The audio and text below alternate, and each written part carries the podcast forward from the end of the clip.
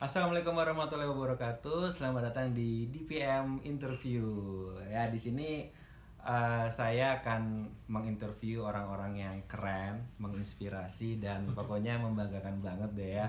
Jadi sayang-sayang dong kita ada channel YouTube dan ada kuota, ada HP tapi nggak dipakai buat hal-hal yang positif. Nah sekarang saya uh, masih di Hotel Dias Luansa dalam event final Jambore TIK Kominfo 2017 dan sudah bersama saya ada Bro Fandi Dawenan. Halo Bro, apa kabar? Halo Bro Dimas, aku kabar baik. Kabar baik ya. Terima kasih udah diundang di sini. Oke, terima kasih kita di, sudah ada di vlog yang minimalis ini ya. Sip. Oke. Jadi Bro Fandi ini dia bineka tunggal ika banget. Oh iya. Nah, pastinya. jadi uh, lahir di Toraja ya, asal Toraja. asli Toraja. Tinggal KTP di Papua. Papua. Nah, tapi ikut jambornya mewakili Bali. Iya, luar biasa banget deh. Ah, Bro Fandi. Iya, Bro. Boleh cerita nggak sekarang kegiatan apa nih? Oke, ya. terima kasih sekali, sekali eh, sekali lagi terima kasih buat undangan Bro Dimas di sini. Oke. Jadi aku Nggak, ada kartu undangannya kok. gitu. Aku di Papua domisilinya Hmm. eh, ngajar di salah satu sekolah di sana. Hmm. Eh, kebetulan dipercaya juga untuk pegang eh, lab untuk pem- pembuatan buku braille untuk tunanetra dan sebagai teknisi komputer di Oke. sana. Ngajar teman-teman tunanetra juga. Ya. Eh, dan sekarang ini lagi mempersiapkan diri untuk program master ke Australia, bro. Master ke Australia. Iya, iya. Eh, itu gimana ceritanya tuh bisa ikutan program master tuh? Ah ya, jadi ceritanya eh, awal-awal waktu itu kan tahun-tahun 2004 aku pertama kali kenal teknologi ya, Hmm. teknologi komputer terutama untuk tunanetra. Ya. Itu sangat terbantu banget. Waktu itu aku kuliah S1 udah mulai awal-awal udah mulai pakai komputer Iya. dan aku merasa manfaatnya luar biasa. Iya. Bahkan sempat ikut beberapa pelatihan-pelatihan. Hmm. Eh, dan saya juga termasuk salah satu narasumber untuk eh, pelatihan komputer untuk tunanetra di eh, Malaysia tiap tahun bro. Di Malaysia ya. Di Jadi statusnya instruktur internasional ya. Leb- terlalu berlebihan. Oh, berlebihan ya. Tapi yang kurang lebih seperti itu. Oke, saya, fine. saya alumni dari situ dan training Ah. ini juga sem- semua teman-teman tunanetra di Indonesia berhak untuk ikut. Hmm. Uh, batas usia 35 tahun bisa apply Oke. via organisasi kita yaitu Persatuan Tunanetra Indonesia. Ya. Uh, kemudian waktu itu setelah dari sana uh, saya upgrade lagi kemampuan bahasa Inggris saya. Kebetulan S1 bahasa Inggris juga ya. Ya. Uh, Ya, lalu- kita saya udah kepoin kok. Hmm. Lalu saya coba apply Australia Award Scholarship Iya. eh, dan bersyukurnya saya sebelum apply itu saya ada ikut satu program Mhm. eh, namanya English Language Training Assistant Elta ya. ELTA betul. Ini Aha. saya sharing juga ELTA kenapa? Karena salah satu misi saya untuk ikut eh, T- eh, Jambore TIK ini untuk sharing berbagai informasi yang bermanfaat bagi Iya. teman-teman tunanetra dan Iya. disabilitas lain. ELTA itu menggembleng kita tentang eh, apa? Untuk mengupgrade kemampuan bahasa Inggris kita untuk Mhm. persiapan S2 itu. Oke. Dan setelah ELTA 3 bulan, saya apply AAS dan saya bersyukur sekali karena terima diterima. Uh, hasil IELTS saya saya terima waktu dalam kegiatan ini loh, Hmm. dua hari yang lalu saya Oke. cek IELTS saya itu sudah memenuhi syarat untuk Wah luar biasa alhamdulillah ya. Jadi intinya masuk apa nih kampus apa? Saya apply waktu itu di Flinders University, Flinders University di Uh, Australia- Adelaide ya? Adelaide dan Aha. saya ambil untuk uh, disability disability policy. Ya. Kenapa saya ambil jurusan ini? Karena saya pengen itu kebijakan-kebijakan pemerintah itu lebih berpihak ke kita. Iya. para penyandang disabilitas. Jadi eh, prakteknya memang masih sangat kurang meskipun kita tahu aturan kita tuh banyak yang Hmm. sangat kalau kedengarannya sangat wah gitu. Iya. Tapi implementasinya masih sangat kurang. Masih Itu belum masih belum sempurna ya, Betul. tetapi arahnya tetap semakin positif kan ya. Iya, betul. Salah satu dengan ada event-event makin banyak buat Iya. disabilitas dan semakin banyak ya. Salah satu event yang luar biasa ini. Iya, Mbak. ini nggak bukan pesan sponsor. oh, kan. Kita nggak di endorse ya. Nggak di endorse ya, tapi mudah-mudahan Menteri nanti nonton bisa endorse Ah, kita. iya, bener. Oke. Perlu. Nah, terus ngomong-ngomong tadi ngambil master S2 dan Iya. master itu kan ibaratnya mungkin orang mikirnya wah enaknya dapat beasiswa ke luar Hmm. negeri jalan-jalan. Padahal ng- kuliah itu kan pusing kan, Bro. Bener bener. Harus bikin paper, nanti harus Right. bikin tesis ya kan, harus baca buku segala macam. Nah, kira-kira motivasinya apa sih selain tadi ingin mengubah kebijakan segala macam? Mungkin ada nggak sih hal-hal lain yang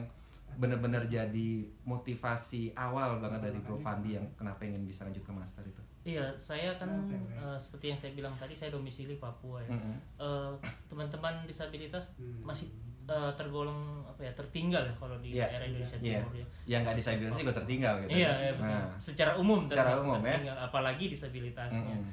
Nah, itulah yang membuat saya termotivasi untuk lebih eh, mengupgrade kemampuan saya paling Mhm. enggak eh, lima tahun ke depan eh, saya bisa eh, saya ingin banget menjadi salah satu apa ya entah mungkin dikatakan narasumber lah untuk Mhm. eh, pelatihan-pelatihan berbagai Iya. jenis pelatihan untuk eh, teman-teman disabilitas di Iya.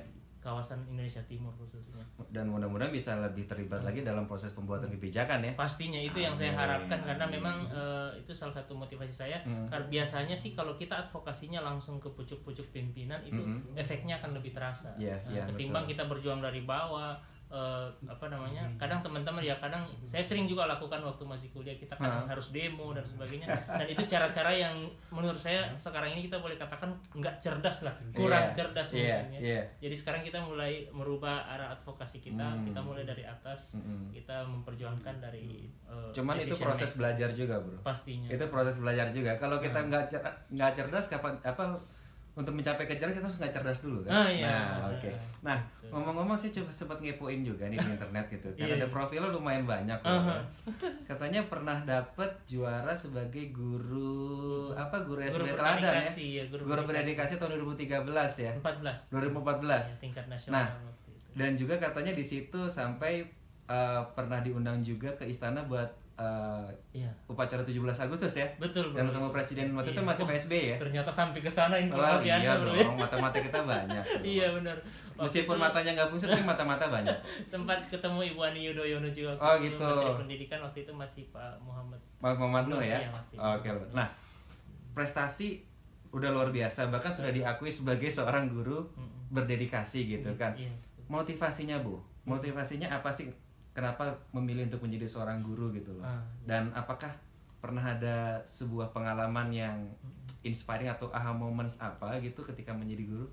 Iya, jadi saya tuh dari kecil ya waktu saya ingat saya saya masih SD waktu Mhm. saya eh, di SD. Pernah SD ya? Oh iya. Oh pernah ya? Kira langsung langsung kira- kuliah. kira langsung jadi susu internasional Waduh. gitu. Oh enggak ya?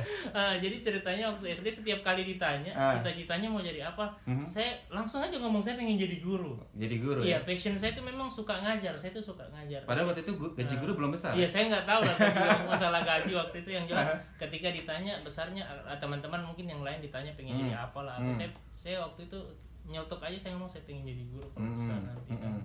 eh, saya menjalani itu sekarang dan iya betul bahwa eh, saya sangat termotivasi karena apa ya? Iya. Sharing is caring ketika Sharing is eh, caring, oke. apa yang saya bagikan itu saya yakin bahwa itu nggak bakal sia-sia. Hmm. Nah, jadi misalkan eh, pengalaman yang eh, berkesan itu ketika saya eh, di Makassar ya, Ya.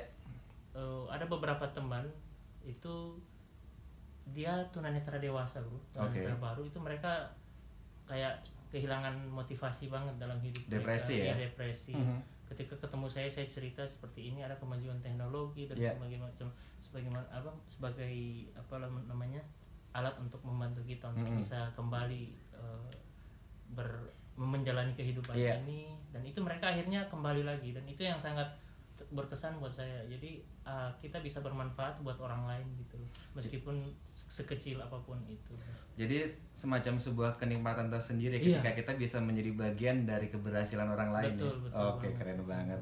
Nah, tadi kan eh, kayaknya udah wow banget nih prestasinya Bro Fandi bahkan jadi susur internasional itu Waduh, itu Anda underline ya. aja. Perlu di-emphasize gitu ya.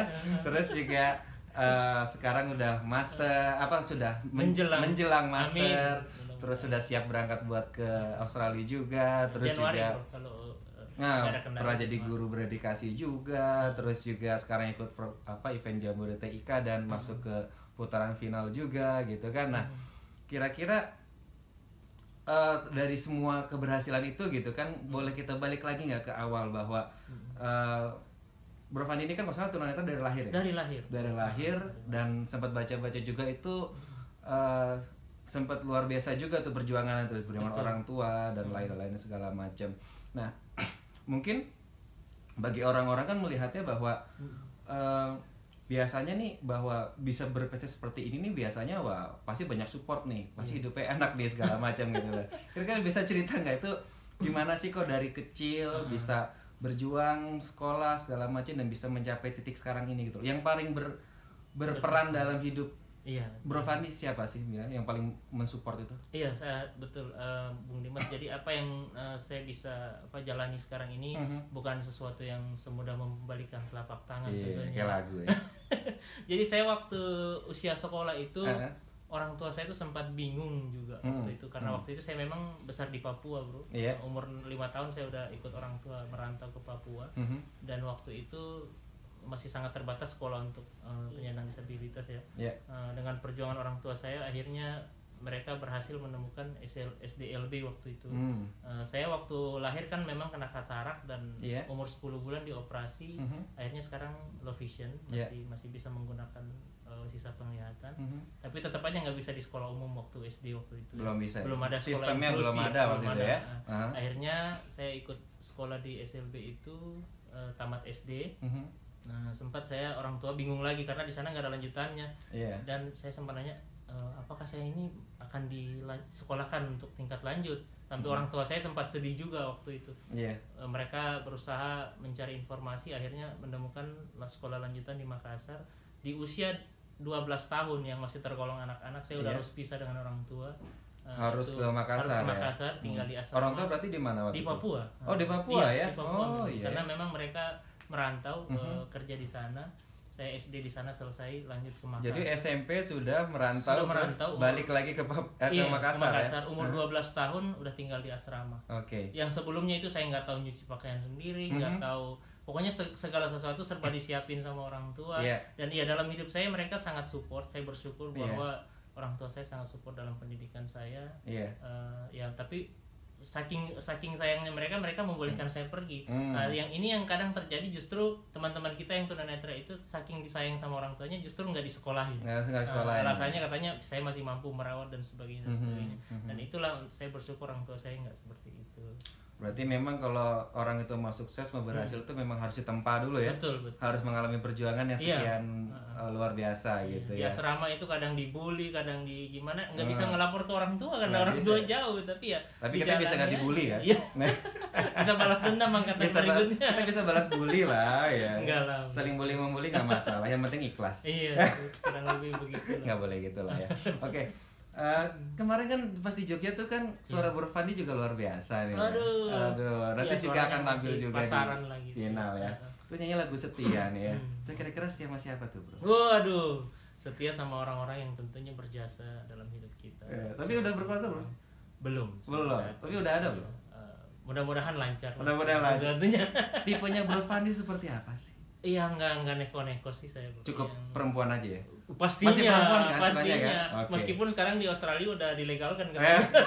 Tapi saya nggak meskipun bakal- dilegalkan tapi kan tidak diwajibkan. Iya iya, tapi ta- dilegalkan. Tapi tidak dianjurkan Ah, ya. Tapi saya nggak bakal tergoda dengan hal-hal yang seperti itu.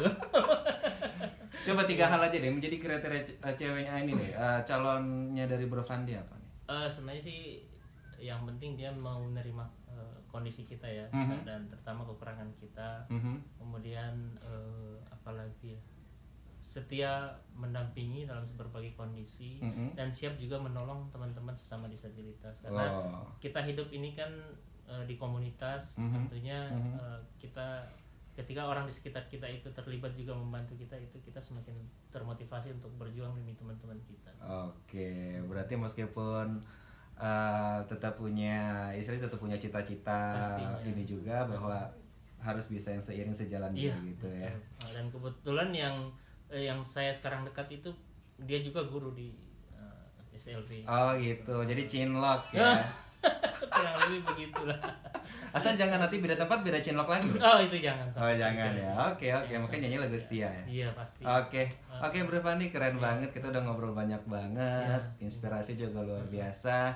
Ada ini nggak satu kalimat deh pesan buat mudah-mudahan ada yang nonton sih Ah, benar. gitu ya. pastinya kita positif, positif dan Iya, iya, iya. optimis pasti Pasti harus ya. Ah, kita sharing di Facebook Ada ada pesan nggak? Ada pesan nggak nih buat teman-teman nih? Eh, Eh, buat siapa pun yang nonton. Iya, buat yang menonton ya eh, kami penyandang disabilitas ketika eh, apa mampu mampu melakukan sesuatu, Mhm. eh, saya yakin dan percaya bahwa anda yang non disabilitas pasti lebih mampu, mampu, daripada kami, Hmm. karena anda punya sesuatu yang uh, mungkin kami tidak miliki. Mhm. Itu motivasi buat teman-teman yang non disabilitas. Kalau kami bisa, anda pasti bisa. Mhm. Dan buat teman-teman sesama disabilitas, uh, kami sudah membuktikannya bahwa uh, kekurangan tidak menjadi penghalang buat kita untuk uh, maju, baik dalam pendidikan, pekerjaan, Mhm. dalam hal apa pun itu, Mhm. Tetap termotivasi dalam berbagai kegiatan dan aktivitas anda. Oke, dan pada intinya adalah mau disabilitas, mau non disabilitas, semua sama saja ya. Iya, Pasti intinya- semua punya kelebihan, Iya, kekurangan masing-masing. Tinggal bagaimana kita bisa Iya. mengoptimalkan seperti Bro Fandi gitu kan, meskipun banyak keterbatasan, bukan hanya dari segi fisik, tapi juga dari akses. Iya, Dari dia beliau ini hidup di, Di daerah timur, timur, yang ya, memang uh-uh. secara infrastruktur dari fasilitas masih terbatas, Masih, tetapi itu dia eh, salah satu hikmahnya adalah Hmm. karya di tempat perjuangan luar biasa akhirnya bahkan sekarang sudah bisa melanglang buana ya Faisal. itu. Oke, kalau gitu Thank sukses you selalu banget. buat Prof Andi. Thank you. Semoga lancar Sukses buat semuanya. Kartunet dan channel ini. Sama-sama. Nanti Ke depannya kita nggak ber- berhenti sharing ya, sharing Enggak terus. ada sharing terus. Di mana pun kita berada. meskipun nggak ada yang kita sharing kita sharing terus. Oke oke. Terima kasih semuanya sudah nonton. Eh, sampai jumpa lagi di di PM interview. Eh, so see you around. See you. Oke. Bye. Sip, mantap.